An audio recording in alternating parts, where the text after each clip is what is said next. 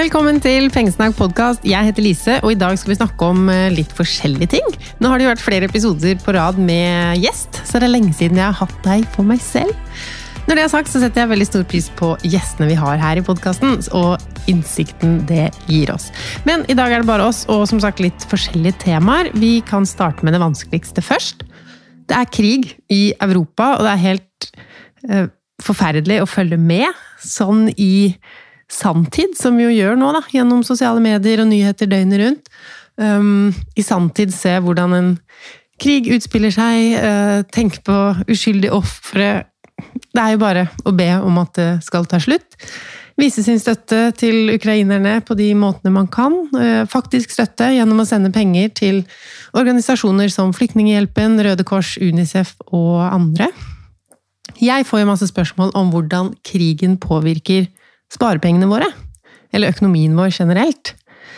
Eh, og da må jeg bare be deg huske på at jeg eh, ikke er en økonom. Eh, så det er andre som kan svare mye bedre på det.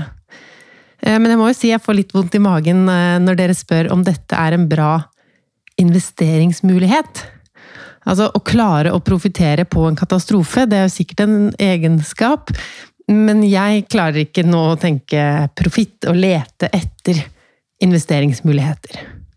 Og jeg er derfor veldig glad for at jeg har en investeringsstrategi hvor jeg ikke trenger å tenke på ytre faktorer og finne ut hvordan jeg skal um, håndtere.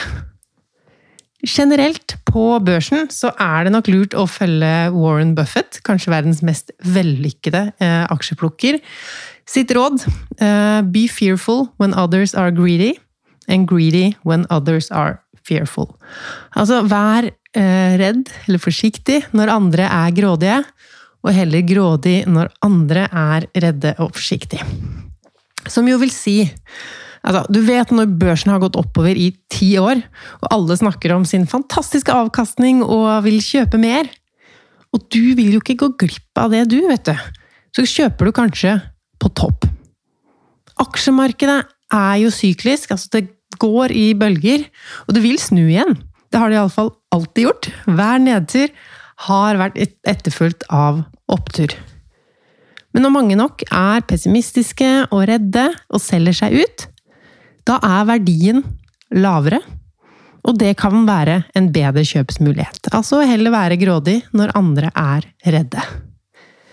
Men som sagt, jeg er glad for at jeg har en investeringsstrategi som går inn ut på å Sette inn samme beløp hver måned uten masse tenking og vurdering og muligheten for å vurdere feil.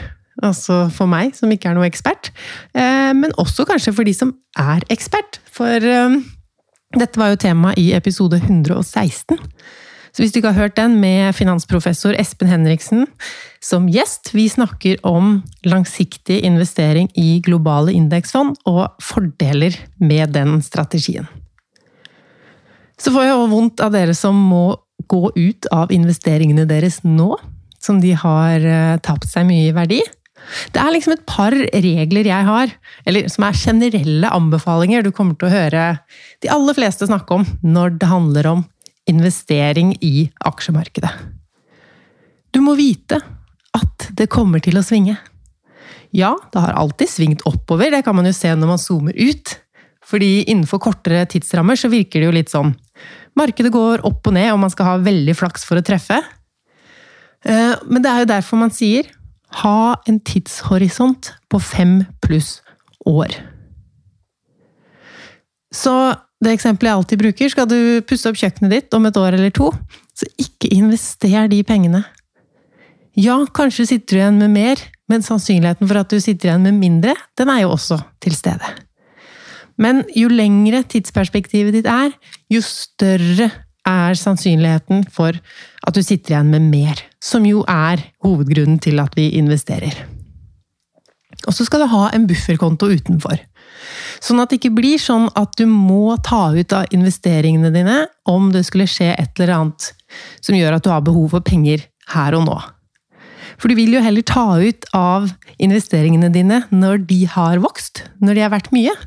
Ikke når de nettopp har falt og er verdt lite. Og så skal du ha betalt ned dyre lån først. Hvis du har et kredittkort som du har masse saldo på, som koster deg 20 eller 30% rente Det fondet ditt, eller de aksjeinvesteringene dine, de må jo gå innmari bra da, for at det skal lønne seg. Og de kan jo også gå i minus. Så absolutt betal ned dyrere lån først. Det er faktisk en bedre investeringsstrategi enn å investere på børsen samtidig som du har dem. Ok, nok eh, aksjefondsprat. Det er jo mars, som betyr at frossen februar er over. Hvordan gikk det? Hva har vi lært? Frossen februar er jo vår ekstremsparemåned. Shoppestopp, spise seg ut av fryseren og se hvor lite man kan leve på.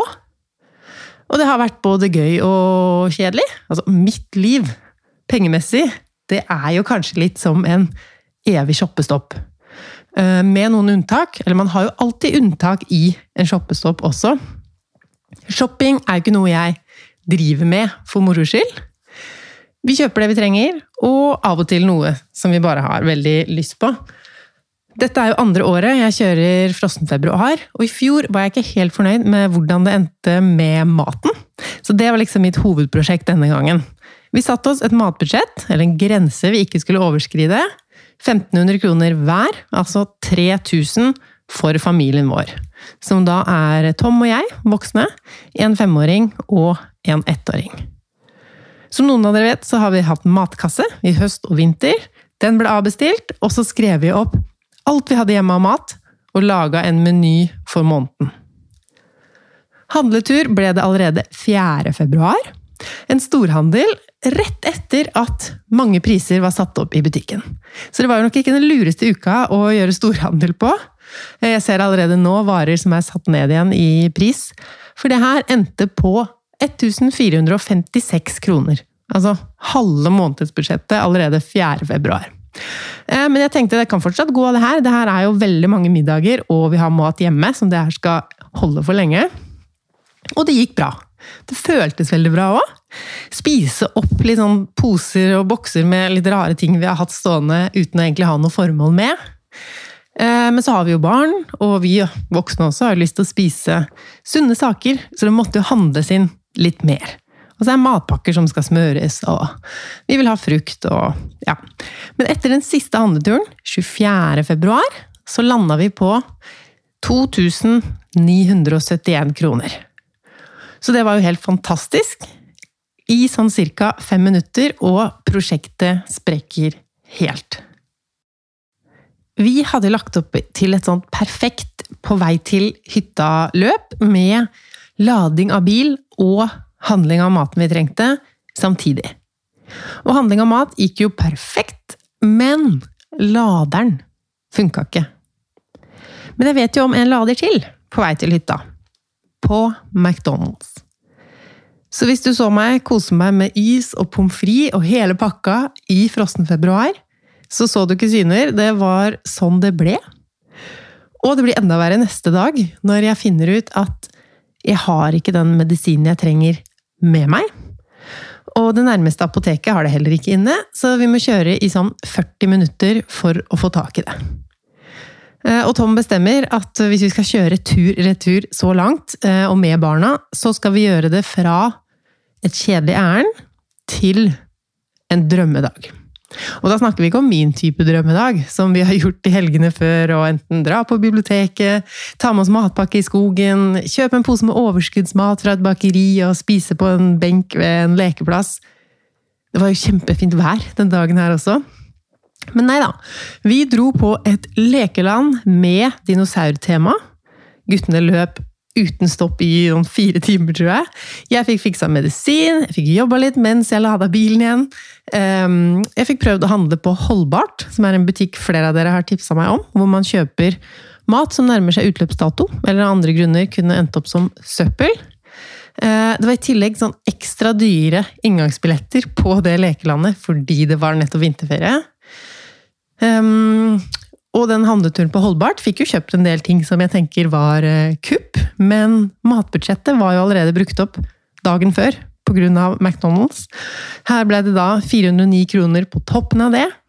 Og så hadde vi jo ikke planlagt en heldags utflukt, så i tillegg så blei det å spise ute. Eh, altså, snakk om supersmell! Eventuelt drømmedag for noen. Eh, men sånn endte altså den ekstremsparemåneden. Og den innsikten jeg gjorde allerede første dag, viste seg å være det jeg sitter igjen med. Altså det som skjedde første dag i utfordringen, er at jeg skal til undersøkelse på sykehuset og parkerer der. Det koster 24 kroner.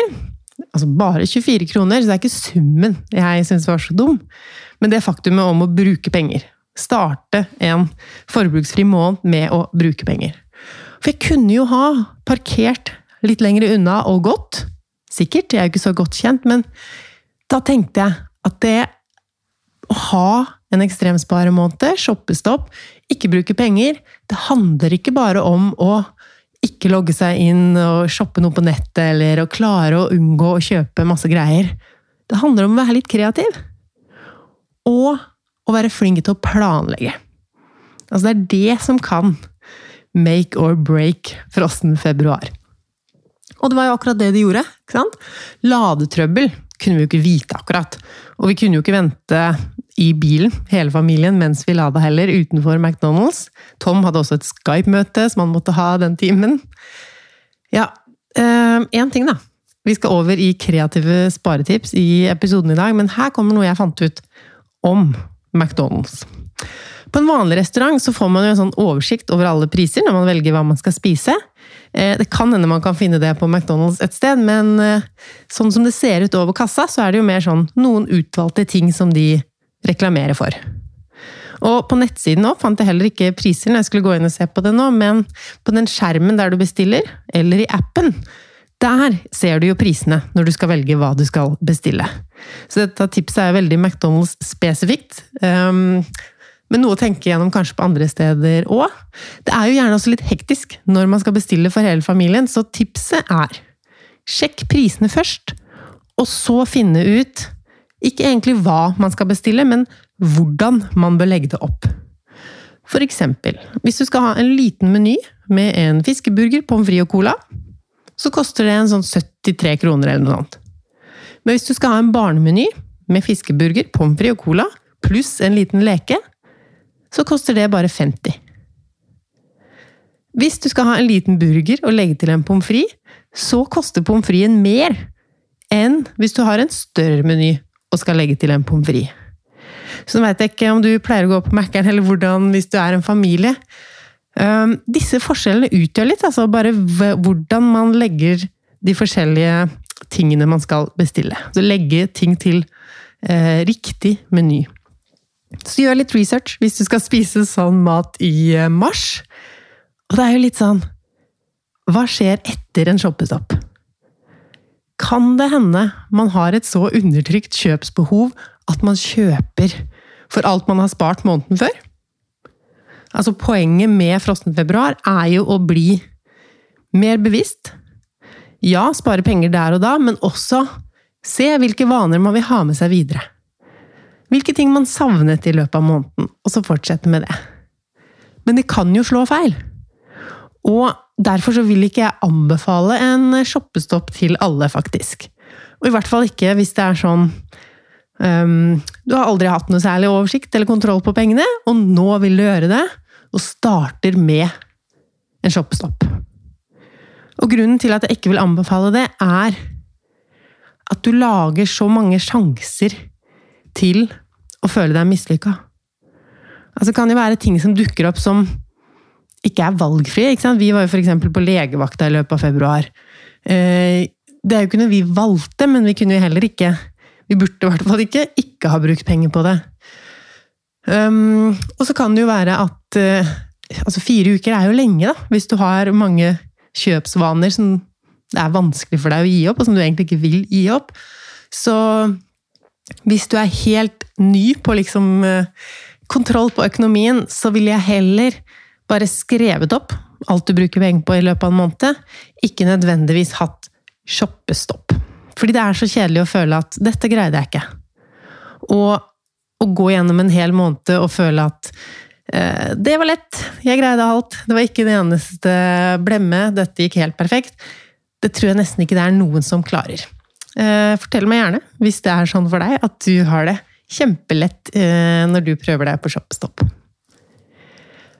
Men det er jo også en hel gjeng som nå er ferdig med Frossen februar, som um, likte all innsikten det ga. Både det som var dritt uh, vanskelig, um, og også at mange ting gikk lettere enn mange hadde forventa. Altså, noen vil gjøre det igjen til høsten, noen går rett inn i en frostmarsj fordi det har vært så gøy og nyttig.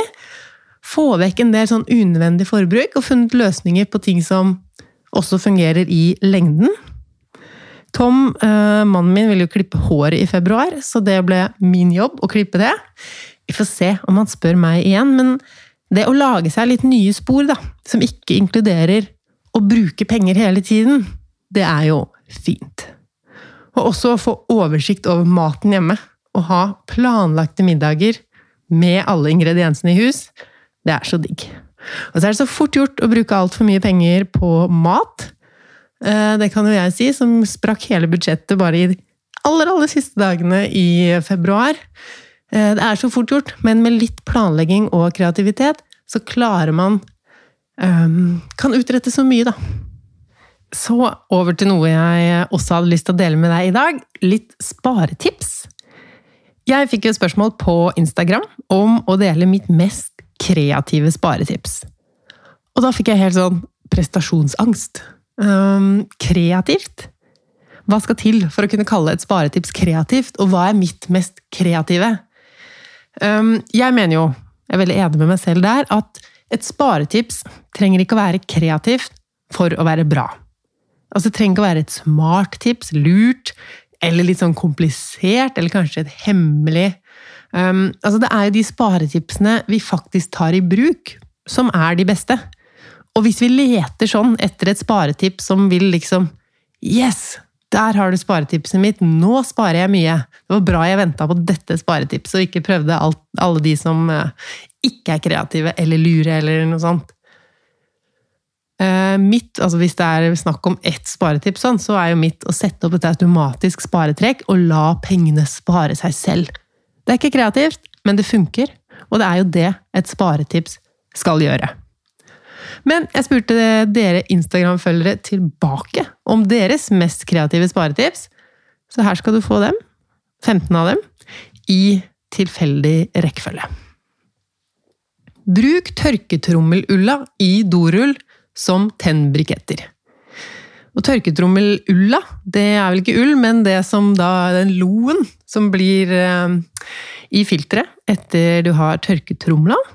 Et sparetips kunne jo også vært å ikke tørke tromler hvis du har god eh, utluftning og sånn i huset, nå som strømmen er så dyr.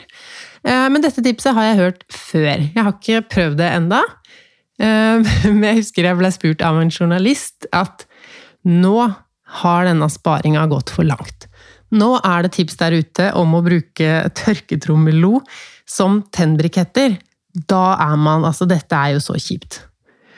Men da ble jeg litt sånn ja, det er kanskje et kjipt tips hvis du syns det er kjipt å drive og spare på den tørketrommelloa, som du jo uansett skal ta med et sted. Du må jo kaste den enten i søpla eller uh, Mens mange av dere som har litt sånn Sparing er en hobby, og vi vil alltid ha en, enda et nytt tips for å spare penger, eller få brukt noe som ikke er brukende til noe annet. Og det er jo ikke hva du gjør, på en måte definisjonen på om sparinga har gått for langt eller ikke. Det er jo med hvilken følelse og motivasjon og lyst du gjør disse handlingene. Tenker jeg, da. Anyways, neste tips. Smartsparing i nettbanken. Minisparing. Det heter litt forskjellig i hver bank, men det går ut på da at du setter opp en avtale med banken din om at hver gang du drar kortet, så skal det gå kanskje 5 kroner eller 20 kroner til sparekontoen din. Eh, og hvis du har hørt på meg lenge, så vet du at det er ikke mitt favorittsparetips, men jeg vet at det funker for så mange. Dere er så glad for den der kontoen som fyller seg opp uten at dere merker det. Og grunnen til at jeg eh, ikke helt kjøper det sparetipset, er jo rett og slett at premisset er jo at du må bruke penger for å spare penger. Altså Jo mer du drar kortet, eller betaler regninger, kan du også ha sånn avtale på, så blir det også spart. Mens for meg så tenker jeg jo at sparing er det motsatte av å bruke. Eh, så heller bruk mindre, og så sparer du sjøl, enten aktivt eller automatisk. Men for all del, siden det her funker for så mange, hvis det funker for deg også, ikke hør på meg. Smartspar i vei. Neste tips er å stjele, i anførselstegn. Da regner jeg med det er å spørre om å få stiklinger og avleggere fra andre. Hvis du, som vel halvparten av Norge, fikk eh, planter, grønne planter som en av dine koronahobbyer, så kan jo dette være et tips for å bruke litt mindre penger på planter. Vurder pengene du vil bruke i dag over natten. I morgen er det ikke sikkert at det frister. Kjempebra tips. Det er sånn med all shopping og alt, at bare tenk på det litt. Hvor viktig er det egentlig for deg? Gå ut av butikken uten å kjøpe det med en gang. Og kanskje har du i det hele tatt glemt at dette var et plagg du prøvde eller vurderte å kjøpe. Eller så tenker du på det, da. Og da kan du kjøpe det. Og da er du mer sikker på at dette var et kjøp um, som har verdi for deg. Klipp eget hår, nappe øyebryn, epilere og legge manikyr. Absolutt penger å spare her. Eh, min første tanke er sånn eh, siden premisset her var jo kreative sparetips. For meg så hadde det virka mer kreativt å tenke nå vil jeg nappe øyebryn. Da må jeg finne eh, hvor jeg får noen andre til å nappe øyebrynene mine, altså å gjøre det noe annet sted enn hjemme. Eh, så vi er forskjellige, og det er derfor det er så verdifullt for meg å også ta med tips fra dere. Neste tipset er å kjøpe ting billig på loppemarked. Merkeklær f.eks. til 20 kroner stykket, og legge det ut dyrere på Finn. Det er vinn-vinn. Og det her har jo et navn. Det kalles for flipping. Og vi har snakka om det i podkasten før, um, i episode 77, hvis du vil høre om det. Vinn-vinn. Uh, jeg lurer på hvem du mener det er vinn-vinn for. Altså vinn-vinn for loppis å få solgt det, og vinn for deg å få solgt det. Ja, vinn-vinn. 40% mat var et tips. Da regner jeg med det handler om å kjøpe nedsatt mat i matbutikken, altså mat med dårligere holdbarhet. Leie ut det vi ikke bruker så ofte selv. Veldig smart. Altså, kanskje ikke sparetips, men å tjene penger-tips. Hvorfor ikke la andre få gleden av de tingene du ikke bruker så ofte? Veldig bra tips. Ikke at jeg er dommeren av sparetips her, nå ble det litt sånn, men uh, kjøp bra klær og utstyr brukt. Veldig bra tips, må jeg si igjen. Jeg elsker jo å kjøpe ting brukt istedenfor nytt. Både miljømessig og at prisen da er lavere. Um, så litt det at noen ting da har en historie, eller det føles ut som man er med på noe, på en måte istedenfor å kjøpe, uh, kjøpe noe nytt. Å henge opp et bilde av det du sparer til, er motivasjon. Og det tror jeg veldig. Der fungerer vi jo litt ulike, men den visuelle Enten om man har noe sånn man fargelegger underveis eh, for å se hvis du skal spare til et beløp, eller at sånn Der er bildet av den seilbåten eller bilen eller ferien, hva det nå er. Henge opp et bilde av det. Jeg sparer opp BSU-beløpet året før og setter det inn 1. januar. Poenget med det er jo å få høy BSU-rente da, for hele året. Lappe klær som får hull. Yes, det gjør jeg også. Det er mange knær som slites på eh, småbarnsklær, og det å kunne lappe de, det gjør jo at buksa får en ny, en ny sjanse til et nytt liv. Istedenfor å møtes på kafé, tar jeg med kaffe på termos, og så setter vi oss i parken. Det hørtes veldig hyggelig ut, og nå er det jo Altså ikke at man ikke kan spise ute på vinteren, men det frister jo bare mer og mer nå utover våren. Lag gode matpakker, og ha alltid matpakke med. Det er enkelt, men innmari mye å spare. Det tipset kan jeg bare skrive under på tusen ganger. Elsker å ha matpakke med. Aller siste er å bruke plastemballasjen til druer til vårsåing. blir et minidrivhus. Veldig smart. Der er det jo både lufting og så Så hvis du skal så noe hjemme nå, kanskje det første er litt karse til påske. Det trenger du kanskje ikke å ha noe minidrivhus til, men eh, det var altså siste tips. Vil du ha mer pengesnakk før neste mandag, så kan du sjekke opp YouTube-kanalen min. Der har jeg lagt ut filmer om masse forskjellige temaer. Um, og Instagram, hvor jeg da er daglig. Så fram til neste mandag så snakkes vi der. Jeg legger linker i episodebeskrivelsen. Ha det bra!